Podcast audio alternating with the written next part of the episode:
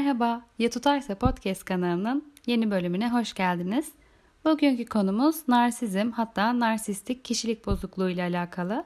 Bu konuyu da aslında Masumiyet dizisinde gördüğüm bir sahne sayesinde karar verdim bunu konuşmaya. Ee, bir önceki bölümde hatırlarsınız yani izleyenleriniz varsa İlker karakterine narsist tanısı konulmuştu. Ben de bunu merak ettim. Yani İlker karakteri pek de iyi bir karakter değil biliyoruz ki. Nasıl yani? Neden narsist tanısı konuldu? Narsistler nasıllar? Bunu merak ettim. Bugün de bunları konuşmak istiyorum sizinle. Ama önce şöyle kısaca bir Masumiyet dizisini de üzerinden geçelim derim. Şimdi Masumiyet dizisi kadına şiddete, kadın cinayetlerine bir tepki gösterecek bir diziymiş gibi başladı aslında ama sonrasında hep tanıdık olduğumuz bu aşk üçgeni, ihanet ya da nasıl diyeyim zengin olan fakir kız ilişkisine döndü. Aslında bu biraz rahatsız edici ama dizide hala çözülemeyen bir gizem mevcut ve bu gizem sayesinde de izleyiciler izlemeyi bırakamıyor aslında. Ve ben de dizinin sıkı takipçisi olma yolunda ilerliyorum.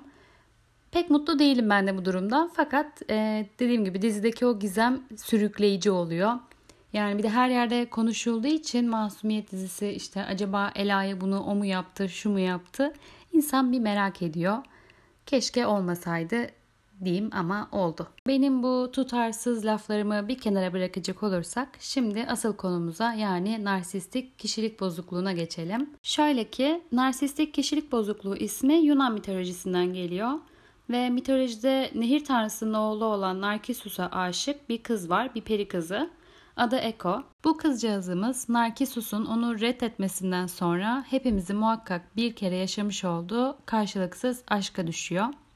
Bu aşkla birlikte yemeden içmeden kesilip hayatını kaybediyor. Bunu duyan Olimpos'ta yaşayan tanrılar da Narkisus'a sinirlenip onu lanetlemeye karar veriyor.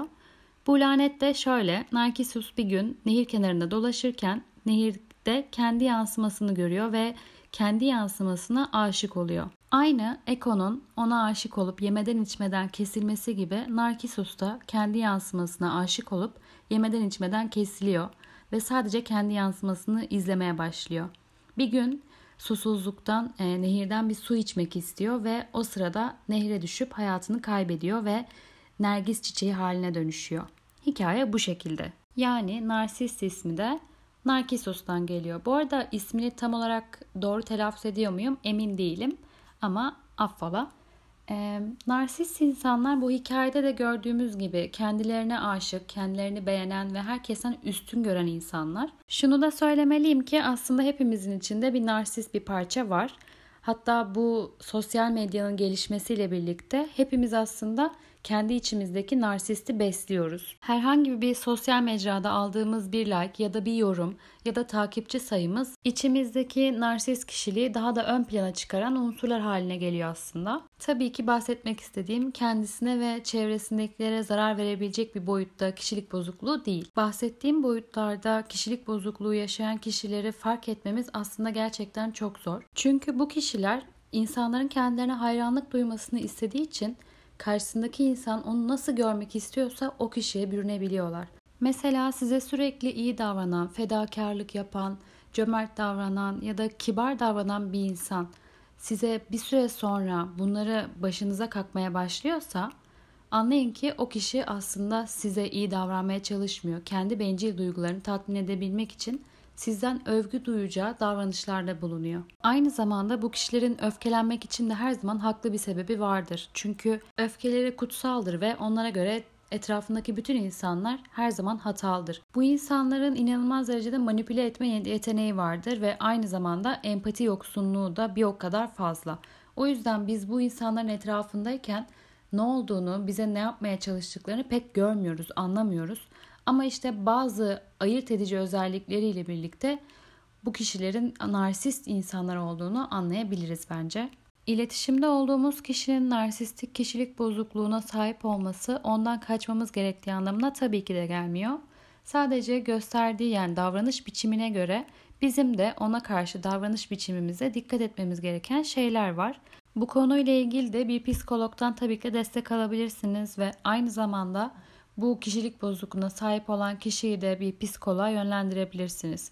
Ama benim anladığım kadarıyla bu kişiler psikoloğa gittiğinde de pek e, memnun kalmıyormuş bu durumdan. Çünkü kendi kişiliklerine bir saldırı olarak görüyormuş bunu. Gel gelelim bu konuyla ilgili net bir şey söylemekte tabii ki de beni aşan bir durum. Bu arada narsizmle ilgili araştırma yaparken benim en çok dikkatimi çeken bir alt başlık daha oldu. Adı love bombing. Ee, bu konuyla ilgili aslında bu, bu bölümde konuşmak istemiyorum. Buna farklı bir bölüm ayırmak istiyorum. Çünkü bence neredeyse hepimizin başına gelmiş bir durumdur. Şimdilik bu kadarını söyleyeyim. Şimdi diyeceksiniz ki bölümün başında masumiyet İlker'den bahsettin. Bu kadar zamandır konuşuyorsun. E ne alaka?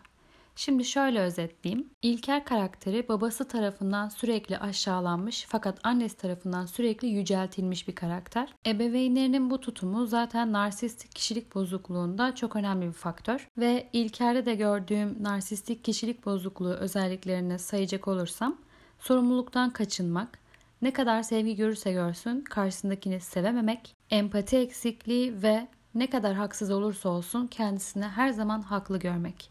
Bence İlker'i narsist yapan özellikler yani narsist olduğunu gösteren özellikler bunlar. Aynı zamanda tabii ki de İlker'in bir sosyopat olduğunu da düşünüyorum. Ve derler ki bütün sosyopatlar narsisttir fakat bütün narsistler sosyopat değildir. Bu bölümü bu sözümle bitiriyorum. Beni dinlediğiniz için tabii ki de çok teşekkür ederim. Umarım beğenmişsinizdir. Kendimce narsizmi kısaca anlatmaya çalıştım.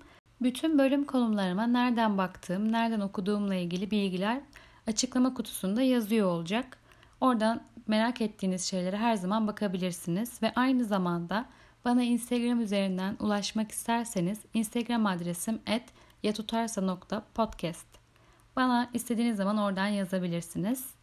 Beni dinlediğiniz için tekrardan çok teşekkür ederim. Umarım sevmişsinizdir. Bir sonraki bölümde görüşmek üzere.